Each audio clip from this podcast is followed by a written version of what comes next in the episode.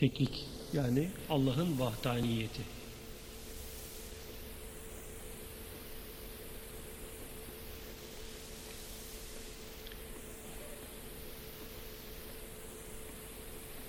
Çokluktan tekliğe, bireysel şuurdan mutlak varlığa, mutlak teke yöneldiğimiz sürece meselenin iç yüzünü anlamamıza imkan yoktur. Sayısız kollar ve teferruat içinde boğuluruz ve esası kaybederiz. Tekliği anlamanın yegane yolu kendimizi şuurumuzu teklik noktasında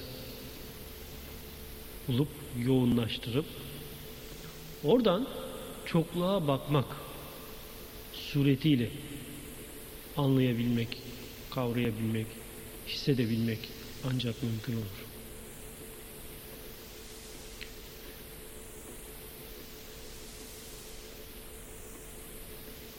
Allah sonsuz ve sınırsız tektir demiştik.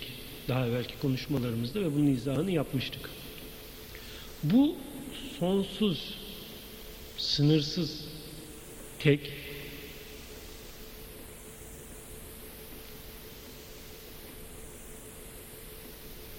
ezelde ve ebette aynen böyledir. Ve varlığında hiçbir değişim, değişiklik söz konusu değildir. Dolayısıyla bizim olup bittiğini gördüğümüz, düşündüğümüz, tahayyül ettiğimiz her şey insanlığın cinlerin ya da meleklerin varlığını düşündüğü ve tahayyül ettiği ve bilebildiği istisnasız her şey esasen onun ilminde mevcuttur. İlminde derken onun eğer tabiri caizse bunu anlatmak için söylüyorum hayalinde var ettiği ve düşündüğü şeylerdir. Bunların gerçekte bir fiil varlığı asla ve asla olmamıştır. O yüce zatın var kabul edişi neticesinde bütün bu varlık alemi yoktan meydana gelmiş, yok olarak var ve yoktur.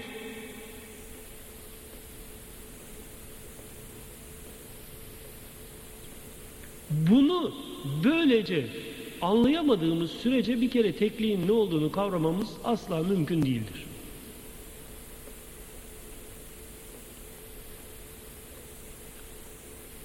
Hangi mana veya vasıfla o zatı tavsif edersek o zat zatı itibariyle o tavsiften de o tavsiften de ötedir. O tavsifle kayıt altına girmekten de beridir. Ancak o tavsif de gene ona aittir. Burayı çok iyi anlamak lazım. Çünkü varlıkta kendisinin dışında bir şey var olmaması hasebiyle o tavsif edilen vasıfla vasıflanan kendisidir. O vasfı meydana getiren kendisidir. Kendisindendir. Fakat zatı itibariyle o tavsifin de kayda altına girmekten münezzehtir.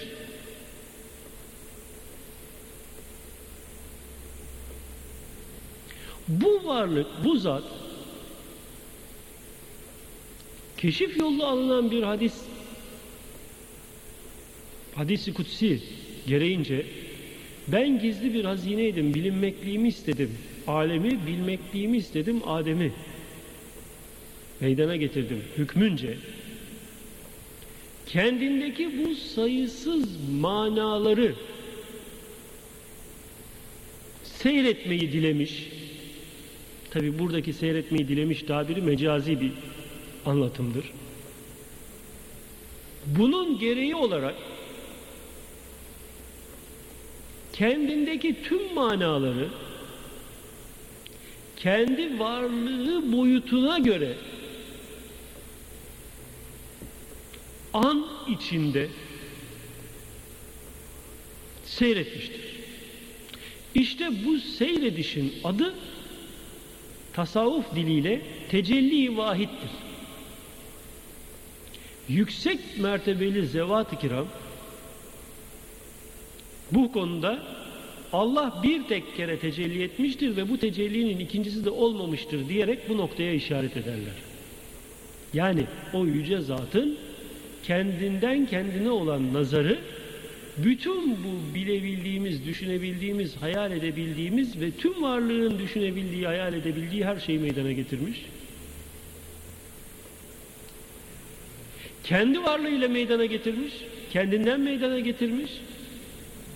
Fakat kendine nispetle de yok hükmündedir. Şimdi bu seyirin detaylarına giriyoruz. Yani kesret dediğimiz çokluktan doğan, çokluk mefhumundan doğan sayısız varlıkların oluşu noktasına geliyoruz. Kendindeki sayısız manaları seyretmesi demek bir ifadeyle şu demektir. Kendindeki sayısız manaları ortaya koyma gayesiyle o manalara uygun o manaların ortaya çıkışına uygun suretleri meydana getirmiş kendi varlığından o suretleri meydana getirmiş yani bir diğer ifadeyle o suretlere bürünmüştür kendi varlığındaki hangi manayı ortaya koymayı diliyorsa o manaya uygun surete bürünmüştür. Ve dikkat edilmesi gerekli olan nokta burası. O suretin, o mananın gerektirdiği özelliklerle o sureti oluşturmuş. O surete bürünmüş. O suret şartları içinde gerekeni ortaya koymuştur. Eğer o suretin şartları içinde gerekeni zaten ortaya koymasa, ilahiyet hükümlerini ortaya çıkarsa zaten varlıkta düzen diye bir olay olmaz. Kaos olur. Hangi mananın ortaya çıkmasını dilemişse o manaya uygun surete bürünmüş ve o suretin şartları içinde gerekenleri ortaya koymuştur. İşte buna işaret eden bir ayet de İsra suresinin 84. ayetinde şöyle anlatılır.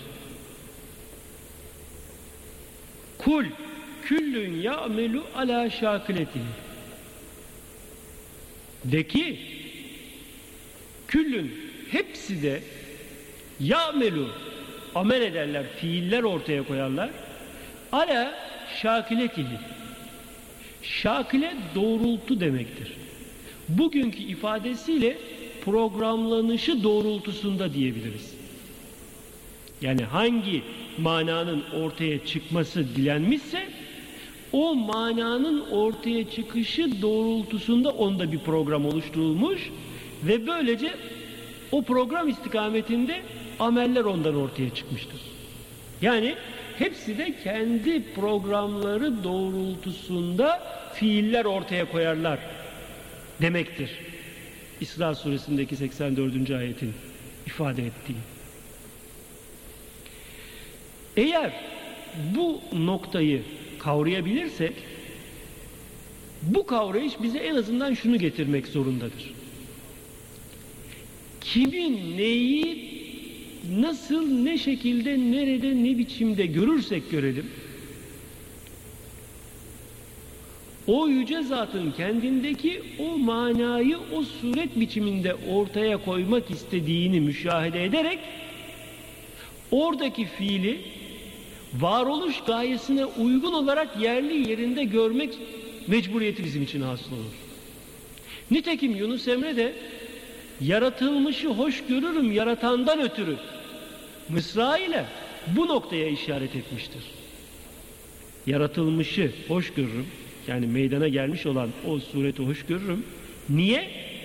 Çünkü o sureti meydana getiren orada o manayı ortaya koymak için o surete bürünmüştür. İşte bu sebepten ben yaratılmış hoş görürüm diyor Yunus. Yani bu noktaya vukufu dolayısıyla. Şimdi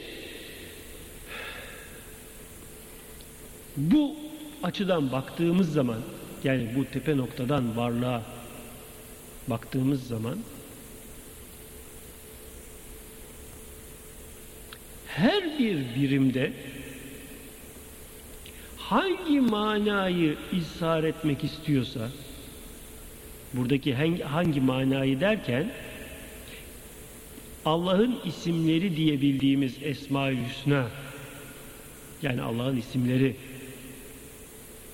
varlıkta terkipler şeklinde zuhur eder.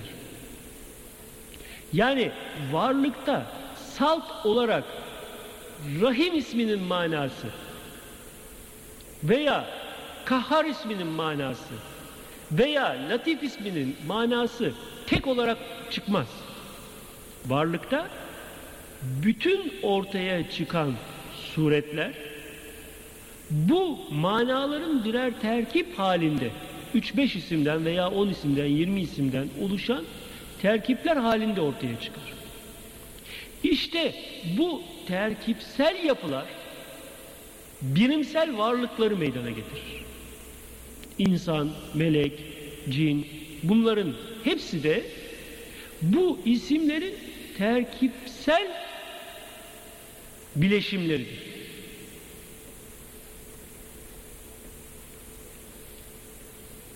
Bu varlıklar varoluş gayesine göre manalar ortaya koyar dedik. Bunların bir kısmı tamamen kendini bilmeyişin gereği olan fiilleri ortaya koyarlar. Kendini tamamıyla bilmeyişin gereği olan yaşam tarzı hayvansal yaşam dediğimiz yaşamdır. Tümüyle bedene dönük fiiller içinde bir yaşam şeklidir.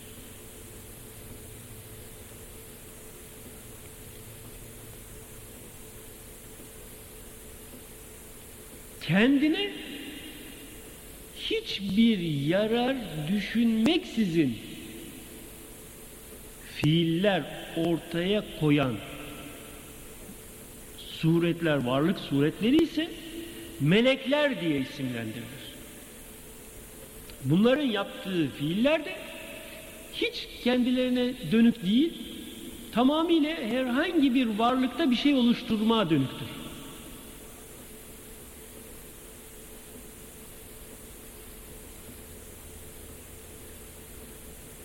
Hayvansal yaşama.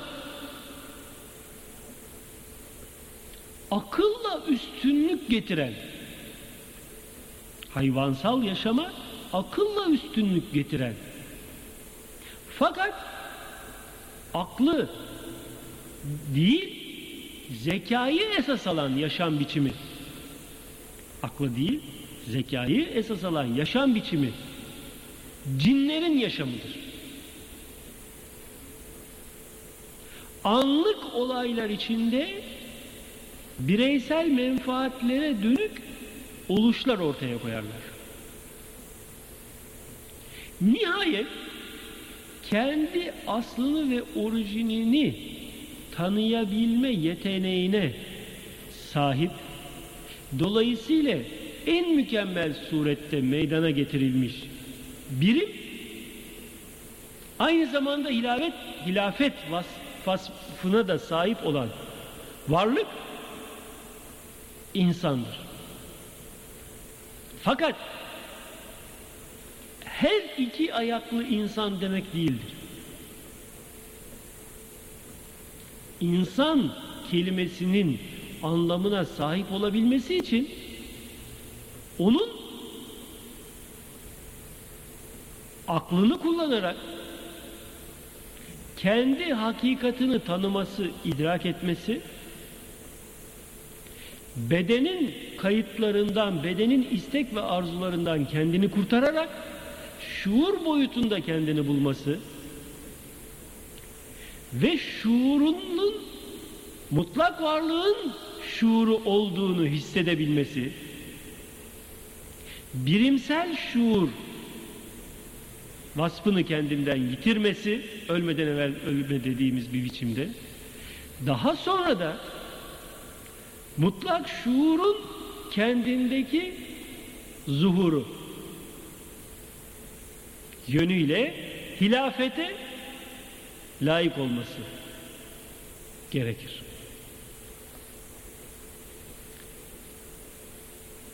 Demek ki insan kendi birimsel varlığına dönük, bedenine dönük isteklerden, arzulardan arınıp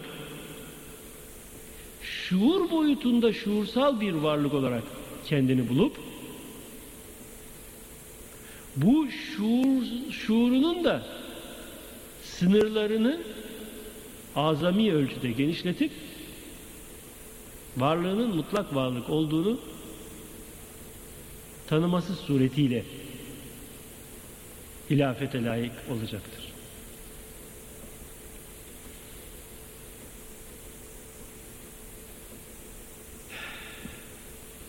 Bu birimsellikten bedenle yaşayan izafi varlık olma kaydından çıkabilmek için önce bu konunun ilmini elde etmek gerekir.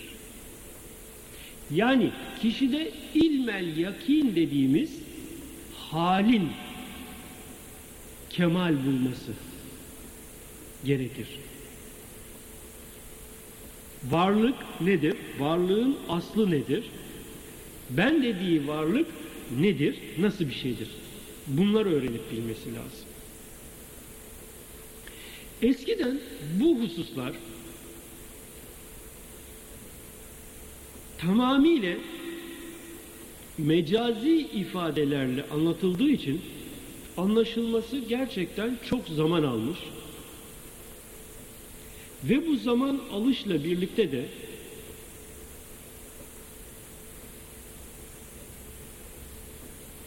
pek çok kişi tarafından bu işin hakikatinin anlaşılması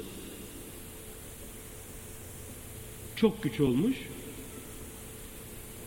ve bu hakikata ulaşanlar çok az olmuş.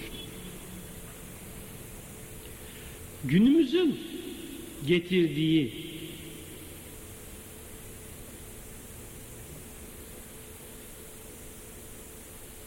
çeşitli kolaylıklar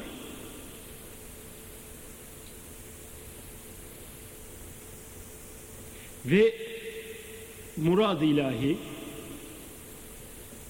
teklik olayının kavranılmasını büyük ölçüde kolaylaştırmıştır. Dolayısıyla biz sayısız varlıkların maddede görülen sayısız varlıkların moleküllerden aslı olan atomlardan atomların tek bir atom olan hidrojenden dolayısıyla bu varlıktaki bütün varlıkların tek bir hidrojenden hidrojen atomunun çoğalmasıyla meydana geldiğini hidrojen atomunun aslının ışık zerrecikleri olduğunu ve bunların tüm aslında enerji olduğunu her şeyin enerjinin yoğunlaşması suretiyle meydana geldiğini anlatarak tekliği kısa sürede karşımızdakine bildirebiliyoruz. Fakat bu tekliğin anlaşılması hususunda bir takım yanılgılar doğabiliyor. Bugün için önemli olan nokta da bu yanılgıların ortadan kaldırılmasıdır.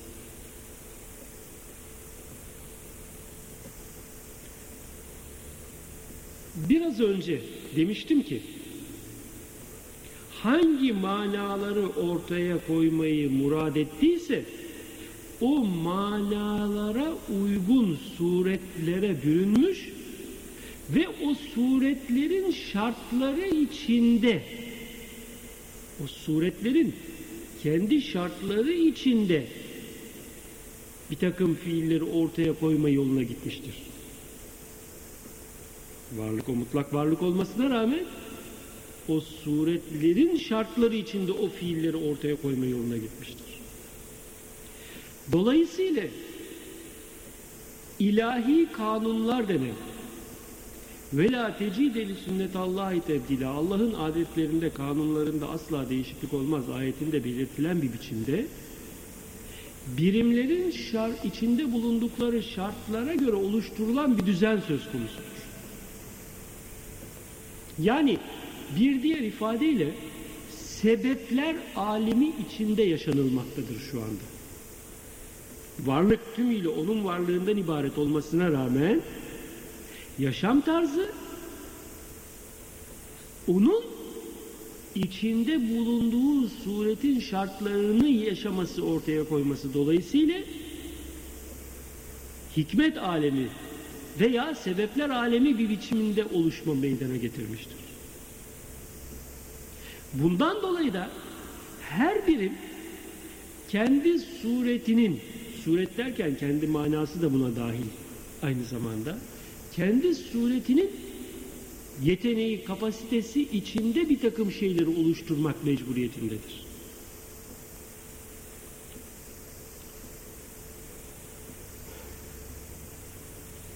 İşte her bir birimin her bir birimin hangi manayı ortaya koyması için oluştuğu esası biz her şeyi kaderiyle halk ettik. Kamer suresinin 49. ayeti. Ayetinde işaret edildiği biçimde kendi ortaya koymak istediği gayeye uygun yaratıldığı izahı vardır. Ayrıca bu hususu izah eden önemli bir hadiste birçok önemli hadis kitaplarında, önde gelen hadis kitaplarında anlatıldığı üzere herkes ne iş için yaratıldıysa ona o kolaylaştırılır. Yani hangi gaye için meydana getirildiyse o gayeye göre programlanmıştır. O programın gereği de gereğini yapmak da ona kolay gelir ve onu yapar. İfadesi bu noktaya işaret eder. Şimdi bunu anlamayan bunu anlamayan ve birbirime dışarıdan bakan kişi bu kişinin kendine has bir iradesi vardır ve bu iradeyle bu bunları yapmaktadır deyip orada bir iradeye cüz olduğunu müşahede eder. Halbuki o iradeyi cüz denen şey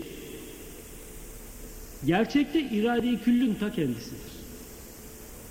Külli programın o birimden çıkması halindeki aldığı isim irade-i cüzdür. Yoksa bir irade-i kül var bir de irade-i cüz var diye iki tane ayrı irade yok. Külli iradenin de hükmü birimden ortaya çıktığı andaki adına irade-i.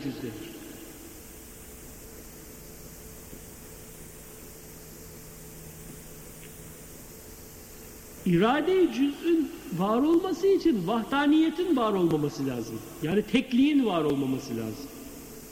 Fakat varlığın aslı, orijini teklik olduğuna göre dolayısıyla irade-i cüz diye bir şey yoktur. Şimdi bu çokluk mefhumu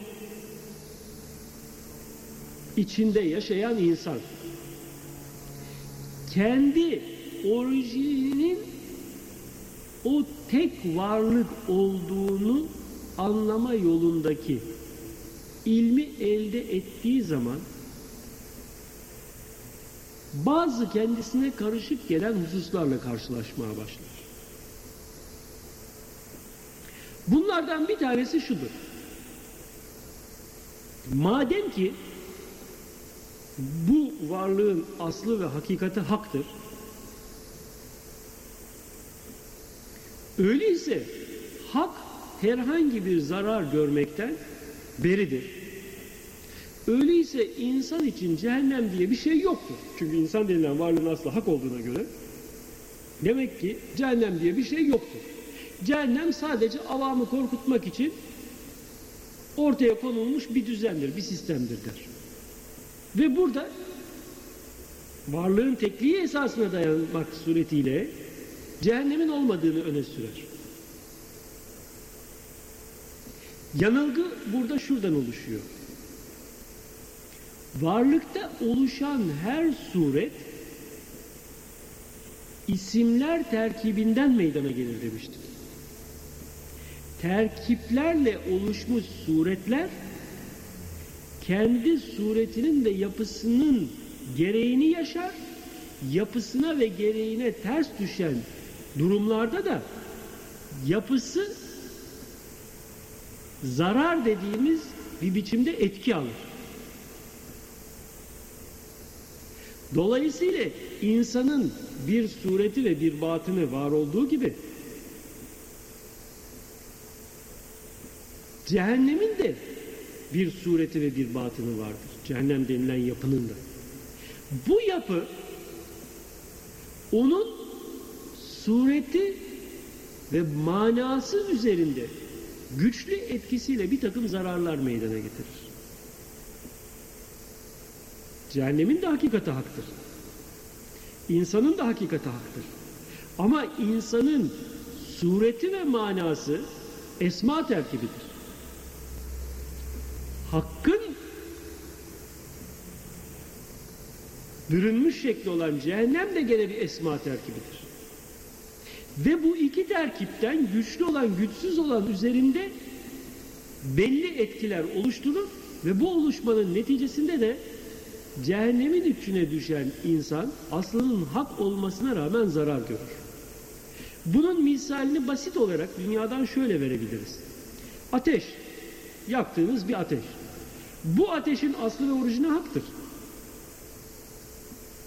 Fakat hakkın belli isimler şeklindeki terkibi ateş dediğimiz yapıyı meydana getirir. Kağıdın yapısı da veya elinin etinin yapısı da haktır. Fakat ateşin terkibini oluşturan isimlerin meydana getirdiği mana yani ateşlik mefhumu senin elini veya kağıdı yakar.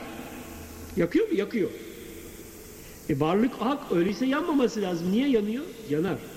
Çünkü onun terkibi onun terkibinden zarar görür. Ama elini veya kağıdı meydana getiren atomlar için burada bir zarar görme yoktur. Atomlar orada o şekilde bileşik haldeyken başka şekilde bileşik hale dönüşür. Atomlar hiçbir zarar görmez. Demek ki maddenin bileşik yapısında belli bir zarar meydana geliyor ama atomik boyuta zarar ulaşmıyor. Ateş de yanar ama ateş kendini yakmaz. Ateş başka şeyi yakar ama ateş kendini yakmaz. Yani atomun atomik yapısı aynen devam ede gider. İşte bu misalde olduğu gibi senin yani birimin varlığının hakikati aslı hak olmasına rağmen terkipsel yapısı itibariyle cehenneme gittiği zaman cehennemde yanar. Yanma dediğimiz olay meydana gelir. Nitekim dünyada da aynı olay söz konusu. Dünyada da bir insan ateşe düştü mü yanıyor. Veya kendine zarar verici başka bir etkiyle karşılaştığı zaman o zararı çekiyor. E, ahiret de buradan farklı bir boyut değil ki. Yani evet e, birisi kaba madde atom üstü boyut, birisi atom altı mikrodalga boyut. Fakat neticede her iki boyutunda kendine göre kuralları içinde bu manalar söz konusu. Şimdi gelelim ikinci başka bir noktaya. Madem ki benim varlığım hakkın varlığıdır. Madem ki benim varlığım hakkın varlığıdır. Hakkın hiçbir şeye ihtiyacı yoktur. Ben kendi varlığımın hakkın varlığı olduğunu anlayıp idrak ettikten sonra artık benim ibadete, namaza, oruca, hacca, zikre, geceleri kalkıp namaz kılma ihtiyacım yoktur. Çünkü hakkın böyle bir şeylere ihtiyacı yoktur. Nitekim Risale-i Gavsiye'de Abdülkadir Geylani Hazretleri kim ki hakka vasıl olduktan sonra beşeriyetiyle ibadeti irade ederse o haktan uzak düşmüştür diyor. Hakka şirk koşmuştur diyor. Öyleyse ben bu hakikati anlayıp idrak ettikten sonra artık benim herhangi bir ibadet yapma diye bir olayım yoktur. İşte çok çok önemli bir yanılgı noktası da burada mevcut.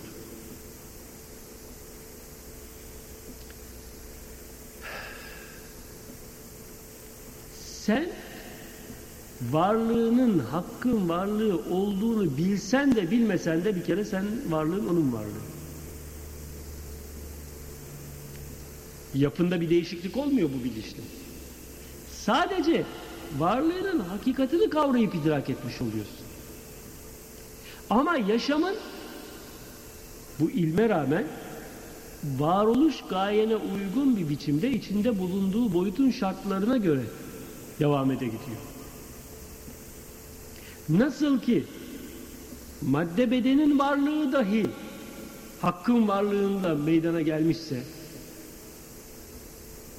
buna rağmen yeme, içme, uyuma gibi bazı şeylere muhtaçsa bu muhtaciyet onun hakkın varlığından meydana gelmiş olmasına halel getirmiyor ise burası önemli. Onun varlığından meydana gelmiş ama onun varlığından meydana gelmiş olmasına bir halel getirmiyor yemeye, içmeye, uyumaya muhtaç olması. Çünkü oluşma tarzı bu. Dolayısıyla aynı biçimde senin ibadet adı verilen namaz, oruç, zikir gibi bir takım çalışmalar da senin hak varlığı oluşuna ters düşmez. Aksine bu çalışmalar ruhun, ruh dediğimiz yapının ölüm ötesi yaşamda içinde bulunduğu şartlara göre gerek duyacağı nura veya enerjiye gerekli olduğu için konmuştur. Nasıl beden bugün varlığını haktan almasına rağmen yemeye içmeye gerek duyuyorsa ruh bedenin de yarın ölüm ötesi yaşamda namazın, orucun, zikirin meydana getireceği enerjiye ihtiyacı vardır. Bunun için de bunlar konmuştur.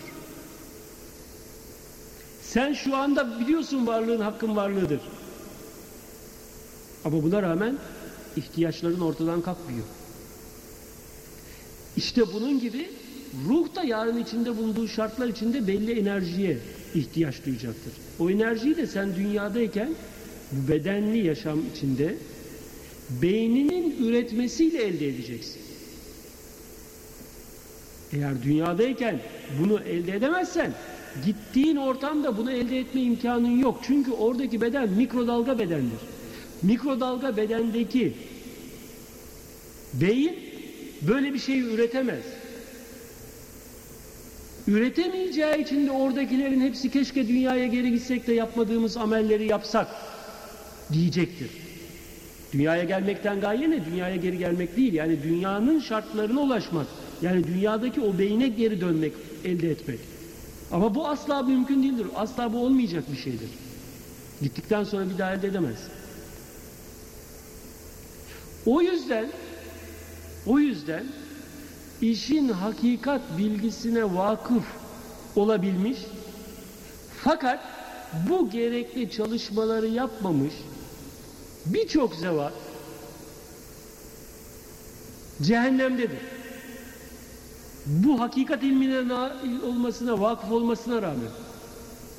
İşte bu yüzden Abdülkerim el Hazretleri İnsanı Kamil kitabında Eflatun'u birçok vakıf olduğu hakikatlara rağmen cehennemde gördüğünü yazar. Varlığın hakikat sırlarına vakıf olmasına rağmen. Birçok hakikat sırlarına vakıf olmuş kişi dahi cehennemdedir. Bunlar işin sır noktalarıdır.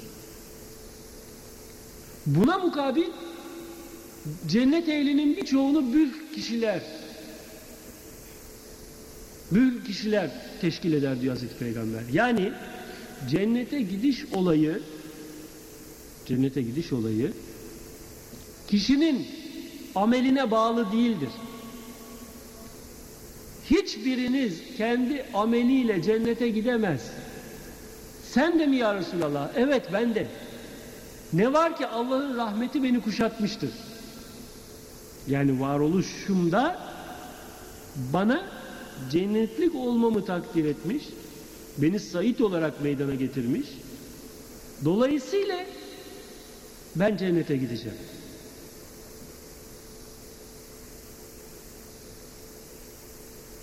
Kişi eğer cennete gidecekse saadet ehlinin amelleri kendine kolaylaştırılır. Saadet ehlinin ameli olan namaz, zikir, oruç, başkaları için yaşamak, birimsel varlığının menfaatlerinden başkaları uğruna vazgeçmek, nefsini başkalarına tercih etmek, kendini öne geçirmek değil, başkaları uğruna nefsini kurban edip onların menfaatinin gerektirdiği bir biçimde, onlara yardımcı olacak bir biçimde yaşamak gibi cennet dediğimiz ortama dönüp nurunu, enerjisini arttırıcı çalışmalar içinde olur. İşte bu sebepten bu sebepten. Hakikat bilgisini elde etmek değil hakikat bilgisini elde ettikten sonra dahi varlığın ulu sisteminin gereği olarak hakikattan sonraki marifet ilminin getirdiği bir biçimde belli çalışmaları yaparak ruhuna o enerjiyi yüklemek durumundadır. Tabi bu ona kolaylaştırılmış ise bunu yapabilir. Yapmayanı suçlamıyorum. Oluş sistemini anlatmaya çalışıyorum. Şayet kişi cennet dediğimiz kendindeki ilahi vasıflarla tahakkuk edebilme ortamında kendi hakikatini yaşamak için var edilmişse ona hakikat ilmiyle birlikte marifet ilmi de ihsan olur. Bu marifet ilminin gereği olarak sistemin nasıl var olduğu, nasıl işlediği, bu işleyişin gereği neler yapılması gerektiği idrak ettirilir, fark ettirilir. Ve o kişi hakikatin ilmine vakıf olmasına rağmen zahirde de bazı yapılması gereken fiilleri hakkıyla yerine getirir. Gelmiş geçmiş bütün günahları affedilmiş liyafir eleke Allahu ma tekaddeme min zenbike ve ma teahhara. Allah gelmiş ve gelecek bütün günahlarını bağışlamıştır. İnna fetahne aleyhi suresinin başındaki ayet. Fetih suresinin başındaki ayet. De olduğu gibi olmadığı halde beş vakit namazını kılan peygamber ayrıca Allah'a yakınlık kazanman için o övülen yüce makama erişmen için geceleri teheccüd namazı kılmak senin üzerine gereklidir ayeti gelmiştir. Sana yararlı olmak üzere geceleri kalk namaz kıl. Niye? Çünkü ve la tecideli sünnetallahi tebdile Allah'ın kanunlarında asla değişiklik olmaz. Kim ne fiil ortaya koyarsa o fiilin neticesi devamı onun için oluşacaktır. Femen ya'mel miskale zerretün hayran yere ve men ya'mel miskale zerretün şerren yere. Kim zerre kadar müsbet bir şey işlerse onun neticesi onun için oluşur. Kim zerre kadar menfi bir şey işlerse onun neticesi gene onun için oluşur. Dolayısıyla peygamber dahi olsa yaptığının kendisinden ortaya konan fiilin neticesi kendisi için oluşacaktır. İşte bu idraka gelen kişi bu idraka gelen kişi Bakara suresinin başlarında anlatılan ve le nebluvenneküm bir şey minel havfı vel cu'i ve naksı minel evvali vel enfisü ve semerat ve beşşiriz sabirin ellezine izâ asâbetün musibetün kalu inna lillah biz sizi açlıkla korkuyla nefsinizle elde ettiklerinizle imtihan edeceğiz bütün bunların neticesinde onlara bir olay isabet ettiği zaman onlar ne derler? Biz Allah içiniz ve Allah'a döneceğiz. Bunların hiçbiri üstünde durmaz. Ben sadece Allah için varım ve Allah Allah'a döneceğim der. Yani sözle ifade değil. Kendi varoluş gayesinin niye var olduğunu bilir. Olay üzerinde, olayın şekli üzerinde durmaz. Ben Allah için varım ve bunun gereğini ben yaşamaya devam ederim. Bunun gereğini yaşarım der ve o şeyi siler geçer. Çünkü zaten o birimin nelerle karşılaşacağı, o birime nelerin isabet edeceği, o birimin başından nelerin geçeceği, o birim var olmadan önce zaten programa girmiştir. Çünkü onun gereği olarak o meydana getirilmiş. Nitekim ne diyor burada Hadid suresinin 22 ve 23. ayetleri. Yeryüzünde yani çevrenizde veya nefislerinizde yani varlığınızda size isabet eden bir musibet, bir olay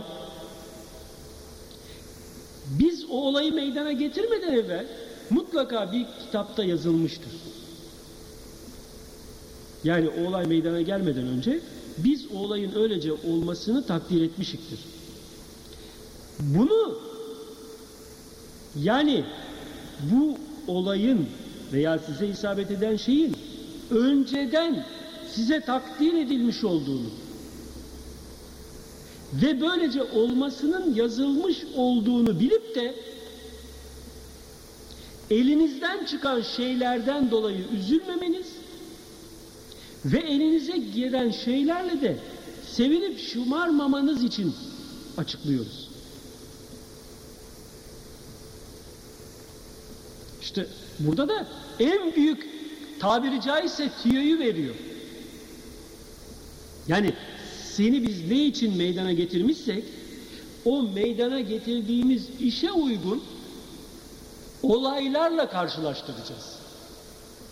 Bu olayları biz seni meydana getirmeden evvel takdir ettik, kararlaştırdık.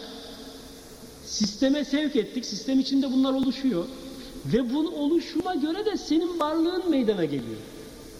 Senin varlığını bunlar bu gereken oluşları meydana getirecektir. Sen bu olayların içinden geçeceksin. Bunun böyle olduğunu bil. Dolayısıyla bu olayların içine girdiğin zaman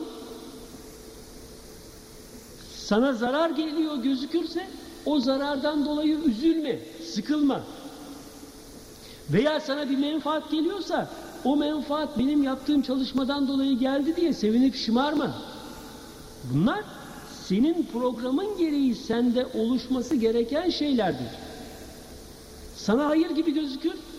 Halbuki şer olabilir. Şer gibi gözükür. Hayır gibi olabilir. Sen bunu bilemezsin. Nitekim Bakara suresinin 216. ayeti. Hoşunuza gitmeyen sizin nice şeyler vardır ki sizin için onlar hayırlıdır. Ve size hoş gelen nice şeyler vardır ki sizin için şerdir. Allah bilir, siz bilmezsiniz. Yani sizin oluş programınızda bunlar meydana gelmiştir. Fakat sizin terkibi yapınıza göre sizin terkibi yapınıza göre size uygun düşmeyen şeylere siz şer adını verirsiniz.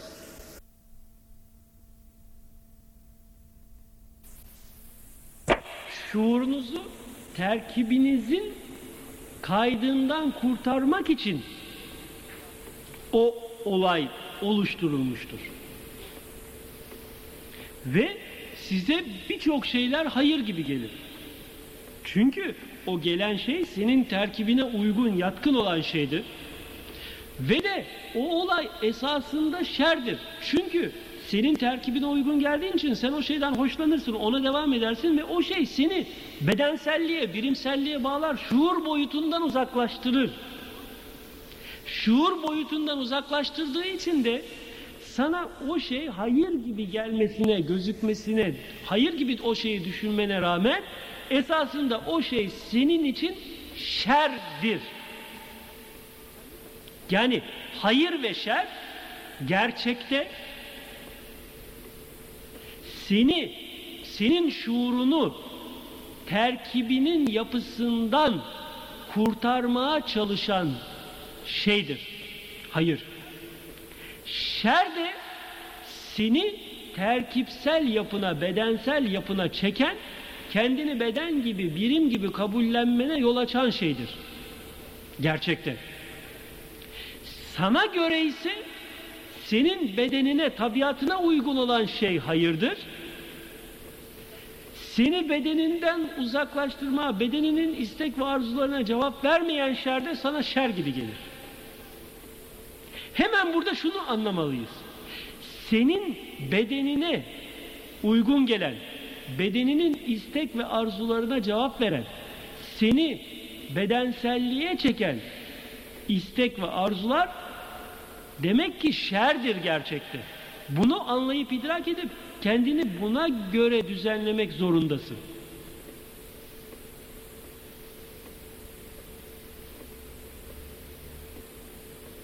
İşte burası çok önemli hususlardan bir tanesidir. Bunun şu anlattığım olayın teknik esasıyla bağlantı noktası neresi? Oraya gelelim. Şimdi sen eğer ki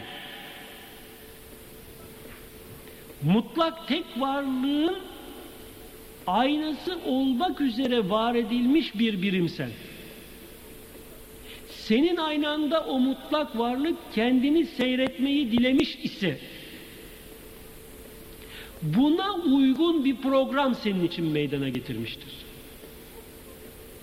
Bu programın gereği olarak sen seni birimsellikten, bedensellikten, kendini beden olarak kabullenmeye dönük hallerden kurtarıcı olaylar dizisi içine düşersin. Senin için böyle bir program takdir edilmiştir. Murad edilmiştir. Bu programın gereği olarak bu programın gereği olarak bedenin istek ve arzularına cevap vermeyen bir yaşam içine düşersin. Gün ve gün yaşadığın olaylar içinde maddeden ve bilimsellikten uzaklaşmaya ve soğumaya, nefret etmeye başlarsın. Bu seni şuursal boyuta çeker. Veya basit halk izahıyla senin Allah'a yönelmene yol açar. Madde artık senin için bir değer ifade etmemeye başlar. Bunun birimdeki algılanış şeklini söylüyorum.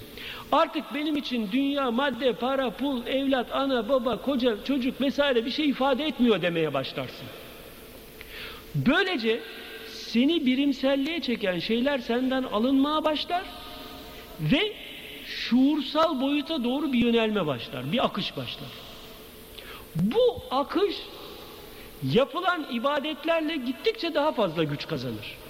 Zikir, oruç, gece namazı vesaire gibi. Bütün bu akış eğer senin için tam bir aynı olma hali takdir edilmişse öyle bir noktaya gelir ki bir anda sende bir şuur sıçraması olur. Ben şuur sıçraması tabirini kullanıyorum. Veya bir başka ifadeyle eskilerin dediği gibi perde kalkar. Bu defa sen şuur olarak üst boyutta kendini bulursun. Bu üst boyut aklı kül boyutudur. Terkipsel şuur boyutu aklı cüzdür. Terkipsel boyutun üstündeki boyut aklı kül boyutudur. Yani e, buna bugünkü tabirle kozmik şuur boyutunda diyelim. Bulursun. İşte bu defa senin tüm değer yargıların varlığa, yaşama, mevcudata bakış açın değişir. İşte buna eskiler evliyalık mertebesi demişler. Allah'a yakin mertebesi demişler. Aksine şayet her nesnenin değeri zıddıyla ortaya çıkar. Bu Allah'ın kendine aynı olma durumuna karşılık aynasızlık yani Allah'tan bir haberlik durumu yaşamak gayesiyle oluşturulmuşsan bu defa sende bedene dönük istek ve arzular ağır basar. Yeme, içme, giyme, seks, para, çevre, gü güzel yaşam, dünyaya dönük bir yaşam ve bunları daha fazla arzulamaya başlarsın. Ve tamamıyla bedene dönük menfaatler için yaşamaya, konuşmaya, koşuşturmaya başlarsın. Bu her geçen anda senin bedene, beden batağında daha fazla batmana yol açar. Ve sen bu bedeni istek ve arzuların karşılandığı sürece hayırlarla, güzel şeylerle karşılaştığını sanırsın ki onlar esasında senin için şerdir. Buna mukabil senin maddeden soğutucu veya uzaklaştırıcı herhangi bir olayla veya bir teklifle veya herhangi bir şeyle karşılaştığın zaman da sana zarar geldiğini düşünür. Onun senin için bir şer olduğunu düşünürsün. Halbuki o Allah katında bir hayırdır. Sen onu bilemezsin. Şimdi burada önemli olan nokta hemen şunu düşünmek lazım. Ben ne için varım? Benim aslım ve hakikatim ne? Ben neyi yaşamak zorundayım? Ben niçin varım? Eğer bu suallerin cevabını tefekkür etmeye başlarsan işte o zaman senin için birçok şeyler açıklık kazanmak sana kolaylaşmaya başlar. Ama bu da ancak senin için o yakınlık mertebesi, derecesi takdir edilmiş ise senin için kolay olur. Kolaylaşır. Aksi takdirde olmaz, kolaylaşmaz, mümkün değil. Yani seni tabiri caizse kendisi için seçmiş ise Allah dilediğini kendine seçer ayetinde olduğu gibi. Allahu yeştebi ileyhi men yaşa. Dilediğini kendine seçer ayetinde olduğu gibi. Kendi için seçmişse seni şuur boyutuna yöneltir. Şuur boyutuna yönelme tekliğe yani Allah'ın vahdaniyetine yönelmedir. Bu yönelmenin neticesinde sen maddeye dönük ve bedene dönük istek ve arzulardan arınır hakikatin gereğini neyse onu yaşamak için bir takım çalışmalar içine girersin. İşte bu çalışmalar içine girdikten belli bir süre sonra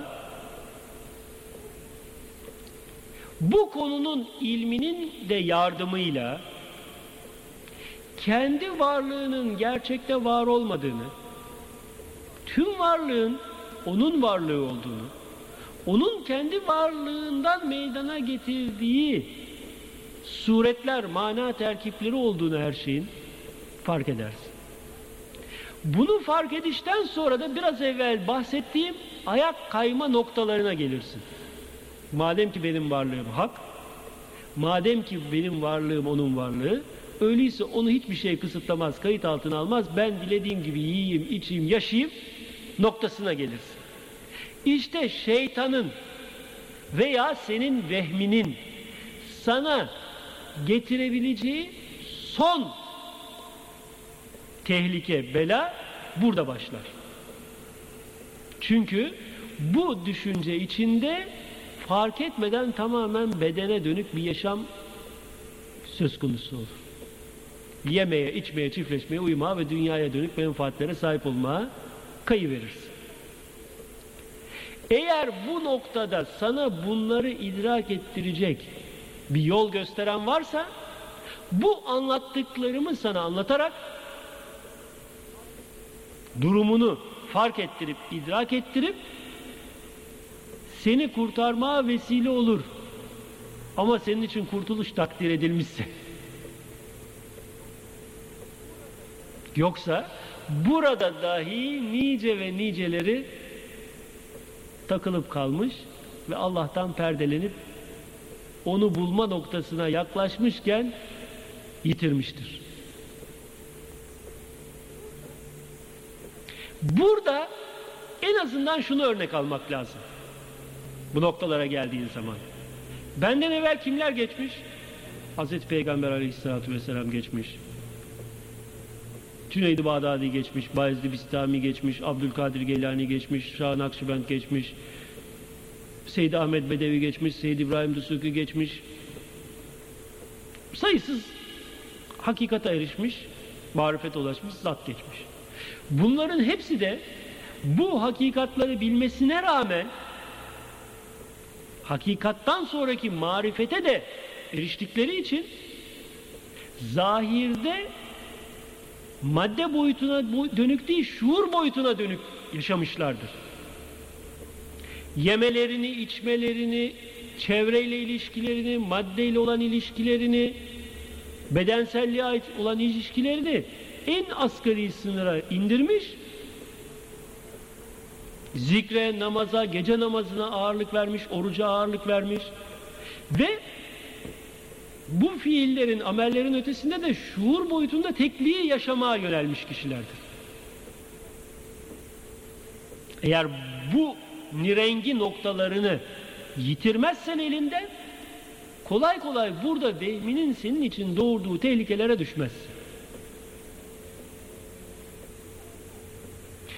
Şu anda nasıl çevrende arkadaşın, eşin, dostun, kocan, annen, baban, teyzen vesairelerin birimler varsa ölüm ötesi yaşamda da böylesine çevrende bir takım insanlar olacaktır. Fakat şu anda nasıl ki vahdet esası yaşayabildiysen bir gerçekse ölüm ötesi yaşamda da öylesine bir gerçektir. Şu anda birimlerin var olması nasıl tekliğe ters düşmüyorsa ölüm ötesi yaşamda da bu var, birimlerin var olması tekliğe ters düşmez. Şu anda bir annen, baban, kardeşin, arkadaşın, ahbabın veya tanıdığın komşun, şu bu.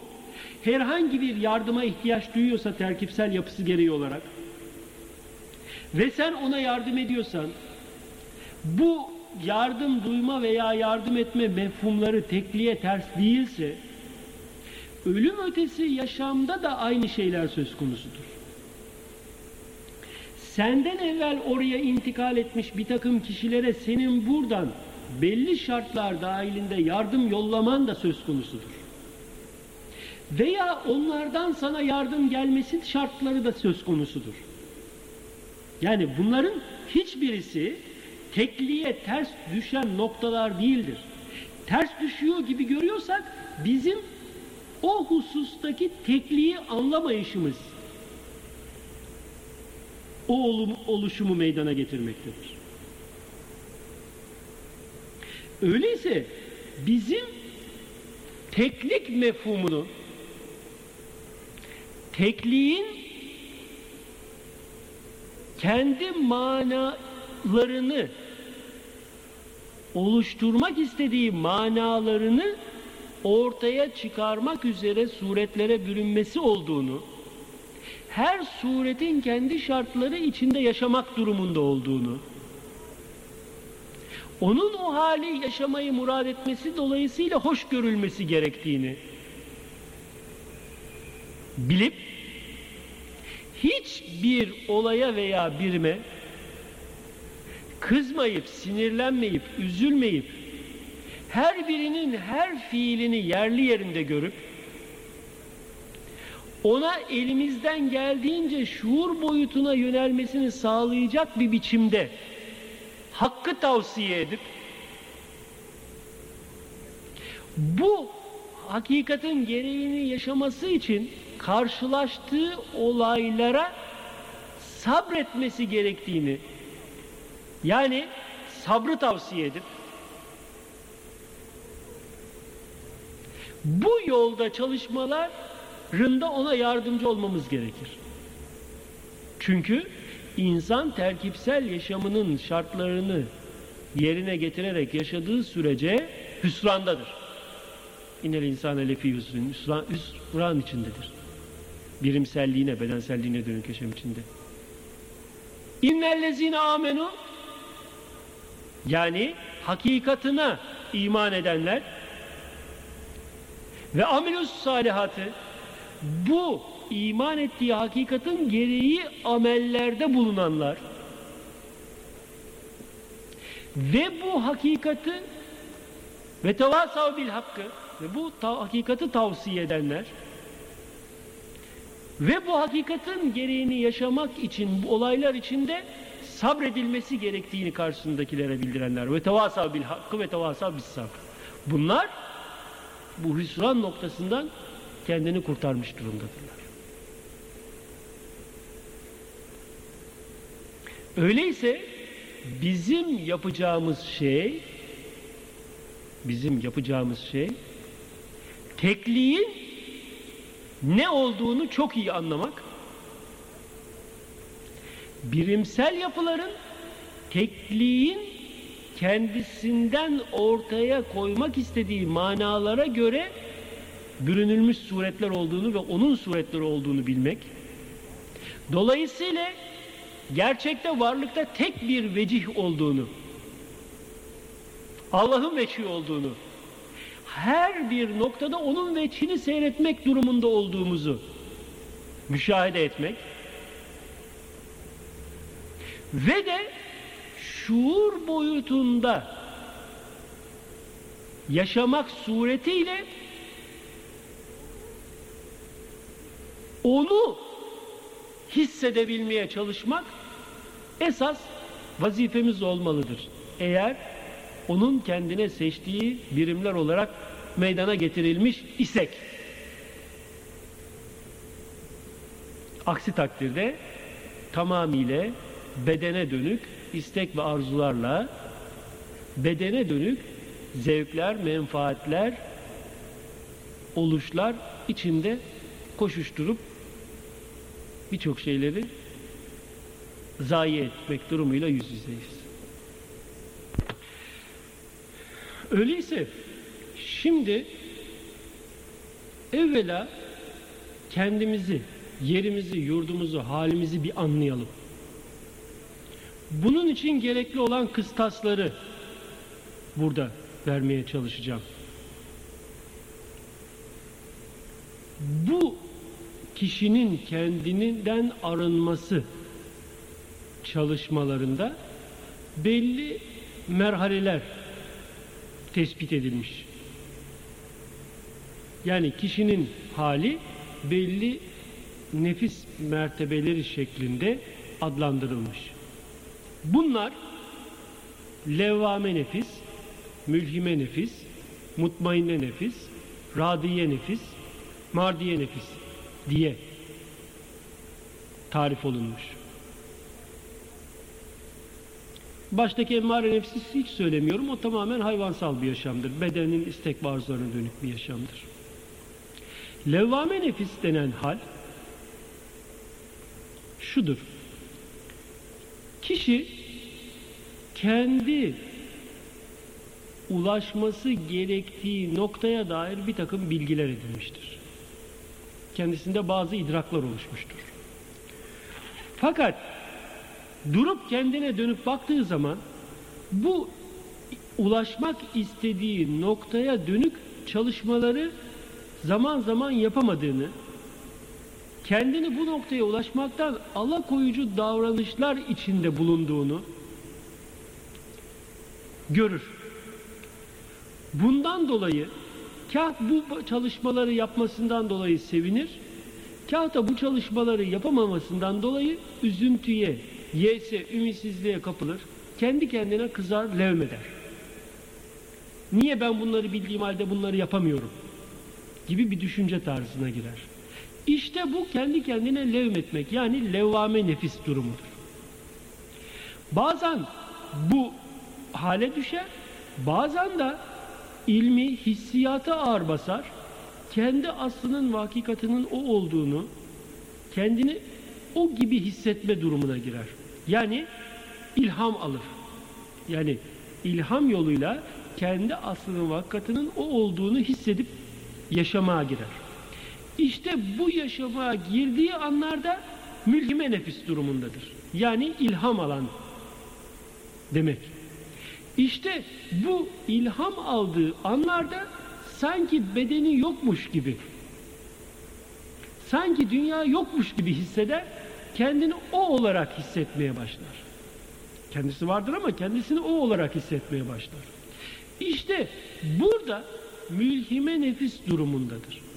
Biraz evvel bahsettiğim kendini hak olarak görme, dolayısıyla hakkın bir takım şeylerle kayıt altına girmeyeceği, hakkın namaza, ibadete, oruca vesaire ihtiyacı olmadığı gibi düşünceler, hileler vesaireler hep bu mülhime nefis durumundaki kişilerin içine düştüğü girdaplardır.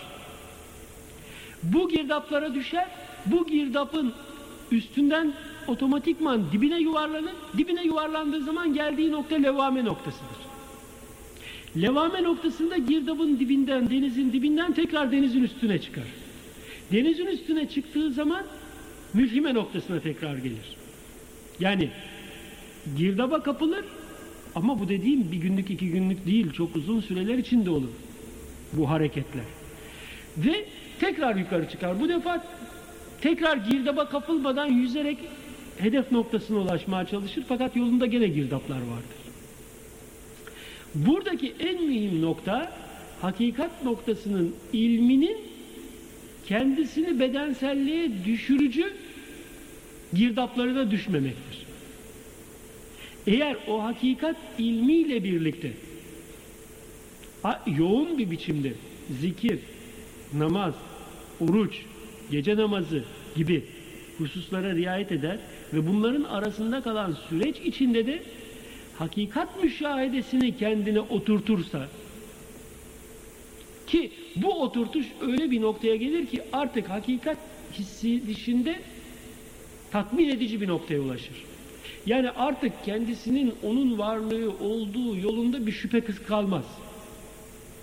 Bu yolda bir endişesi kalmaz. Kendini beden olarak hissetme hali kendisinden kalkar. En mühim nokta. Kendisini bir beden gibi hissetme hali kalkar. Dolayısıyla bedene dönük menfaatler, istekler, arzular, hırslar kalmaz. Herhangi bir bedene dönük olay olsa da olmasa da onun için birdir. Olmazsa niye olmadı diye üzülmez, olursa niye oldu diye sevinmez, nasıl oldu, oldu diye sevinmez. Şuur boyutunda onun varlığı olarak yaşama konusunda tatmin olmuştur. İşte o zaman mutmainne nefis yani tatmine ulaşmış nefis diye tarif edilir. Bu tatmin oluşun neticesinde artık bakar ki varlıktaki her birim onun meydana getirmek istediği manalara uygun olarak oluşturulmuş suretler, birimlerdir.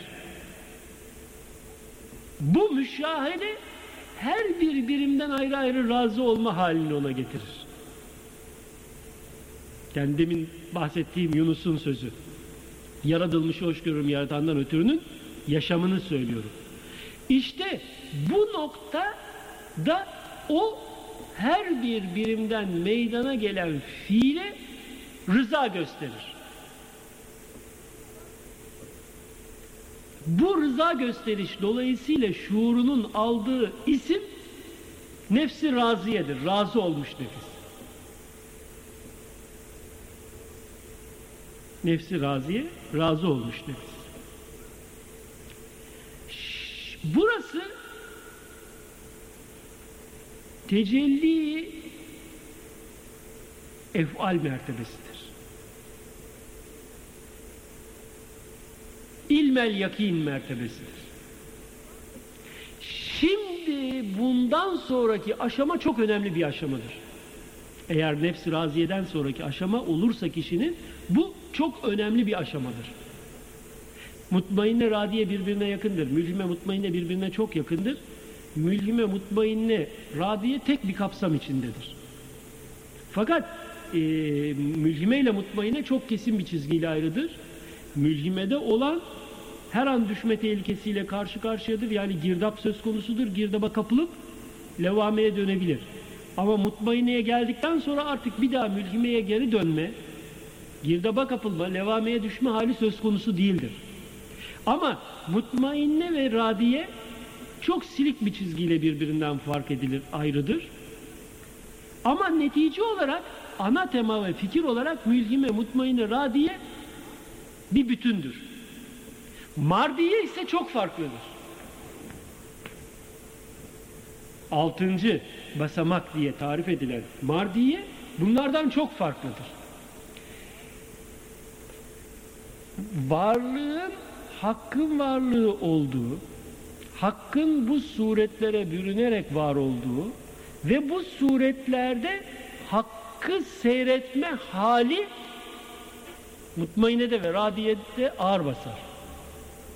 Fakat burada bir sıçrama yapılırsa bir üst boyuta burada şuur birimler suretler içinde yaşama halini yitirir. İşte Mardiye'nin en önemli vasfı şekli budur. Burada şuursal bir teklik, bütünlük yaşamı vardır. Burada kesret müşahedesi kalkar.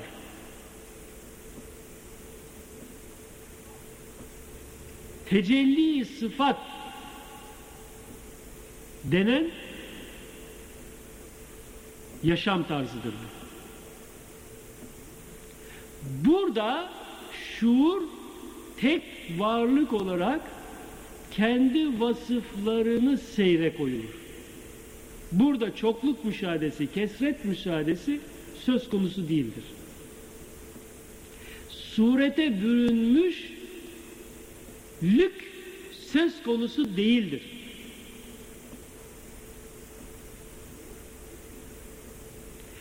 Bunu basit bir misalle size anlatmaya çalışayım. Gözle baktığın zaman koltuk, masa, çiçek, insan, halı, parke, tahta, kireç, ağaç, hayvan vesaire vardır. Fakat bir milyar defa büyüten bir elektron mikroskobuyla tüm bu varlığa baktığın zaman bu isimlerle anılan varlıkların hepsi gözden kaybolur. Sırf atomlardan ibaret bir bileşik kütle görülür.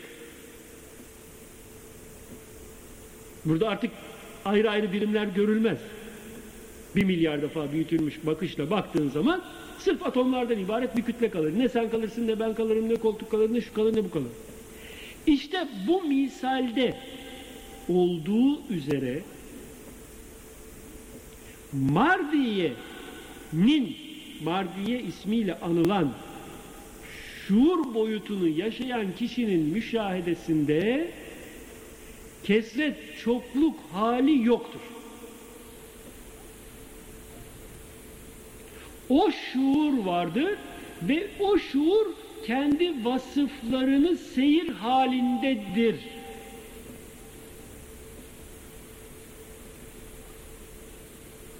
Tecelli sıfat mertebesindedir diye tarif edilir. Tabi bu çokluk içindeki bir yaklaşım için, bir izah için anlatılan, tavsif edilen bir haldir. Eğer fark ediliyorsa bu hal, bu şuur bir evvelki boyutta anlattığımız mülhime mutmaine radiye bütünlüğünün meydana getirdiği müşahededen çok çok farklı bir yaşam tarzıdır. İşte Evliya-i Kamil veya Evliya-i Mukarreb Allah'a yakınlık kazanmış veliler, kurbet velileri bunlardır. Bu yaşam içinde olanlardır. Bunlar yeryüzünde gerçekten çok çok ender, sayıları çok çok mahdut olan kişilerdir.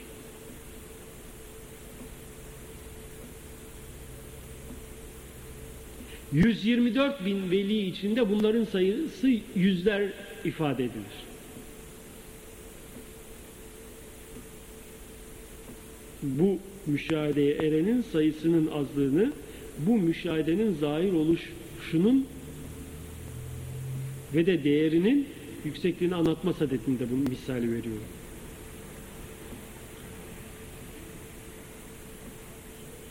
Bir de bunun üstünde safiye denen vasıflarını seyretme halinin ötesine geçmişlik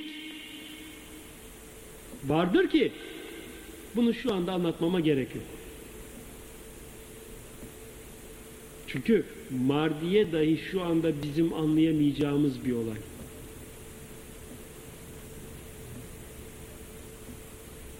Diyelim ki bize takdir edilmiş ola.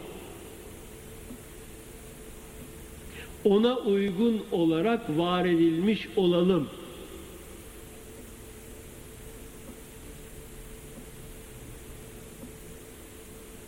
Bunu da anlatmamın bu şuur mertebesini, boyutunu anlatmamın sebebi şu ki Varlıkta haktan bir şey yok. Her şey haktır. Benim varlığım da onun varlığıdır. Bu varlıkta ne kadar suretler varsa hepsi odur. Bu suretler şudur, budur gibi görüşlerin her ne kadar çokluk mertebesine, kesret mertebesine göre yüksek bir değeri varsa da bir üst boyuta göre aslında hiçbir değeri olmadığını fark ettirmek babında söylüyorum. Hasenatül ebrar seyyatül mukarrebin kurbiyet sahiplerinin noksanlığıdır. İyilikler ve güzellikler içinde yaşayanların iyi ve güzel halleri manasını burada hatırlayalım.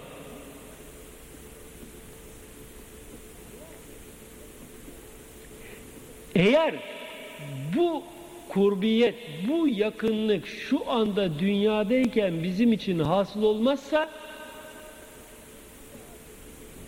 ölüm ötesinde bir daha bizim için asla ve asla gerçekleşmesi mümkün olmayan muhal şeydir.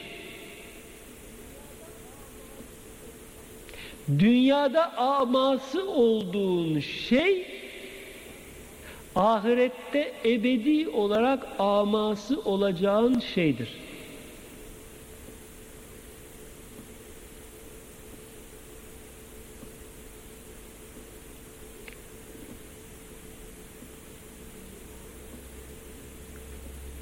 Öyleyse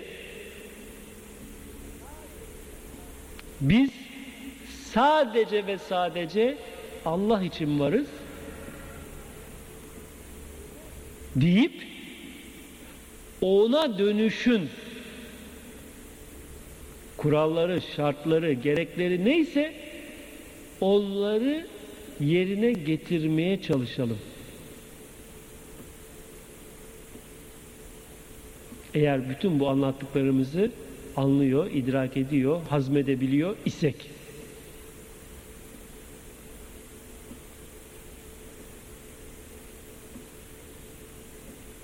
Ve eğer bu bize kolaylaştırılmış ise ancak bizim için mümkün olur.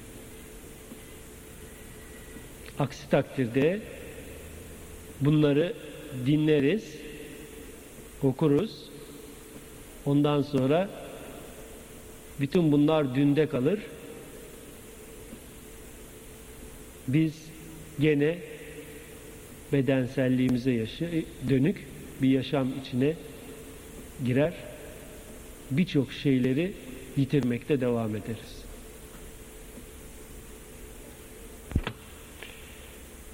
Eğer Cenab-ı Hak bir kişiyi, bir birimi kendi hakikatini ishar gayesiyle meydana getirmiş ise ona vehmin hükmünden kurtulmayı nasip eder. Vehmin hükmünden kurtuluş yollarını ona kolaylaştırır. Eğer kişisel yaşamayı murad etmişse o zaman onun şuurunu vehmin hükmü altına sokar. Burada da birimsel yaşamanın ve birimsel yaşamından kurtulmanın tekniğini yani mekaniğini, sistemini anlatmaya çalışıyorum şimdi. Vehim nedir?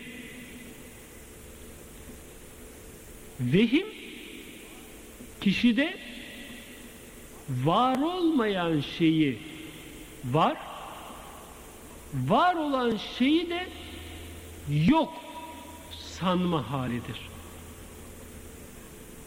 Zan esasına dayalı olarak çalışır. En başta var olmayan şey nedir?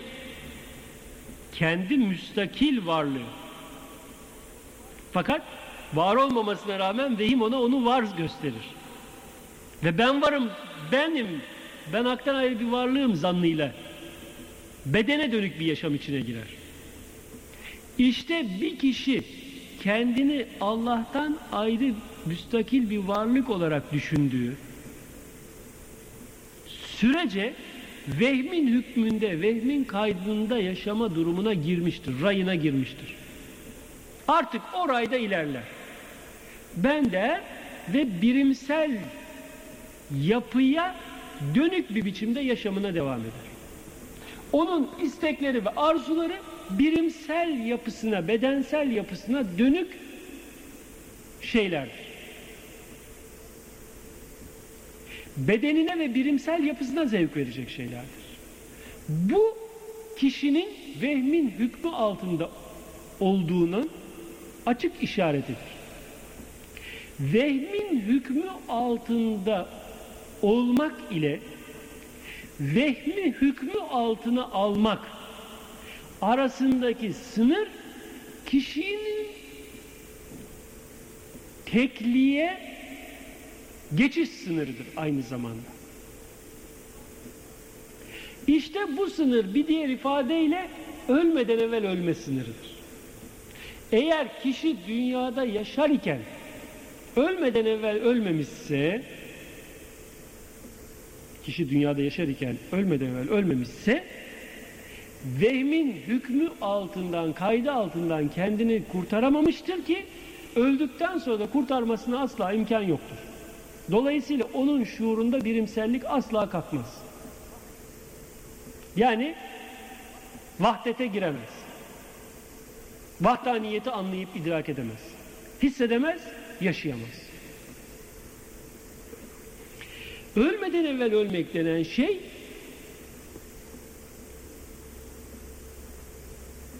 hükmi ölüm ve fiili ölüm olarak ikiye ayrılır. Esasen ölüm üçtür. Fiziki ölüm, fiili ölüm, hükmi ölüm. Fiziki ölüm bildiğimiz herkesin tattığı ruh, bedenin elektriğinin kesilerek atıl vaziyete gelmesi ve kişinin beden bineğinden ruh bineğine geçerek yaşamını devam ettirmesidir. Bu her nefis ölümü tadacaktır ayetinde belirtildiği şekilde bedenin cansızlığı dolayısıyla ruhu ruh boyutunda yaşama geçiştir. Fiziki ölümdür. Hükmi ölüm kişinin varlığın tekliğini hissetmesi bunu fark etmesi fakat bunu hissedip fark etmesine rağmen kendi hakikatının güçleriyle ve özellikleriyle bir fiil yaşayamaması halidir. Ölmeden evvel ölme diye tarif edilen olayın birinci aşamasıdır. Bunun hasılası keşiftir. Keşif dediğimiz olaydır. Bir diğer ifadeyle hissi müşahede de buna denebilir. Bir de ölmeden evvel ölme dediğimiz yaşam tarzıyla birlikte yani fiili ölümle birlikte şuur boyutunda yaşama geçmesidir. Bedenin kayıtlarından kendini kurtarmasıdır. İlahi kuvvetlerle tahakkuk etmesidir. Yani vehmin kaydından, hükmünden kendini kurtarmasıdır.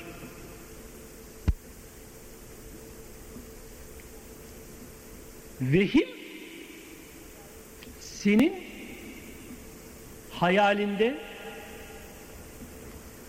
düşüncelerinde, duygularında hükmederek kendini şu beden, şu birim olarak kabul etmene yol açar.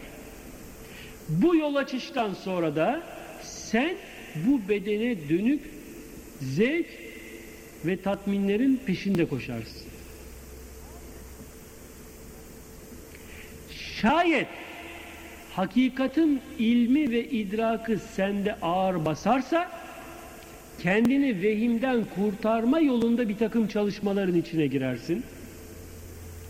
Bu çalışmalar bu hakikata iman yoluyla iradeni bu imanın istikametinde kullanmak suretiyle oluşur. Ve bu iman yoluyla iman yoluyla sen hakikata gerekli olan davranışları ortaya koyarsın. Böylece de vehmin hükmü altından kendini yavaş yavaş kurtarmaya başlarsın.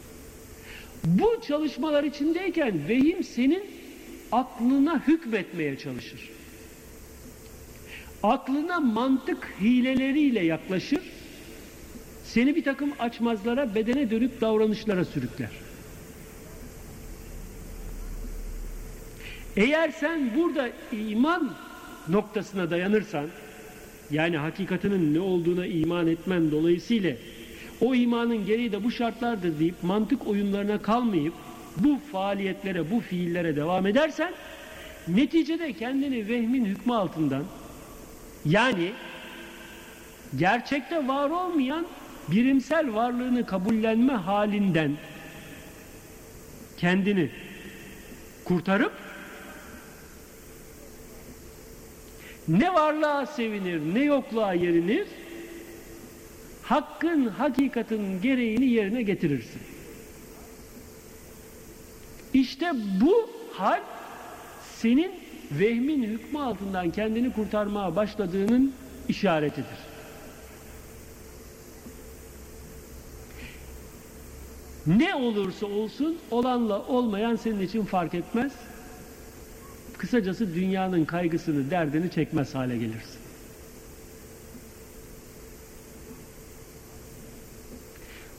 Bu hakkın kendine seçtiği yani kendini idrak ettirmeyi dilediği mahaller için söz konusu olan bir haldir.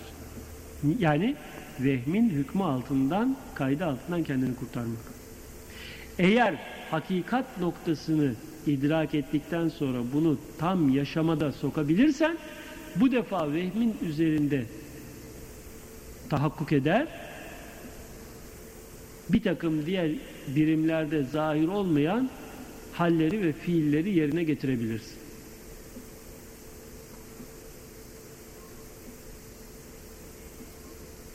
Demek ki vehim kişinin var olmayan benliğini, varlığını var kabul etmesini doğuruyor, zannını doğuruyor ve bu zandan dolayı da kişi bedenine, birimselliğine dönük bir yaşam içinde oluyor.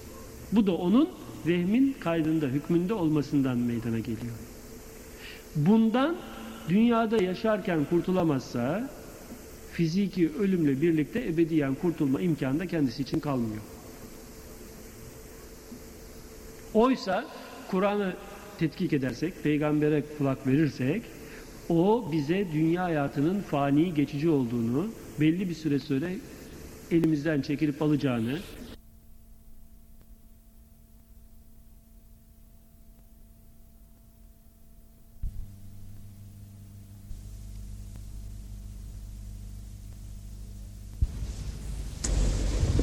Miraç mevzunu anlatan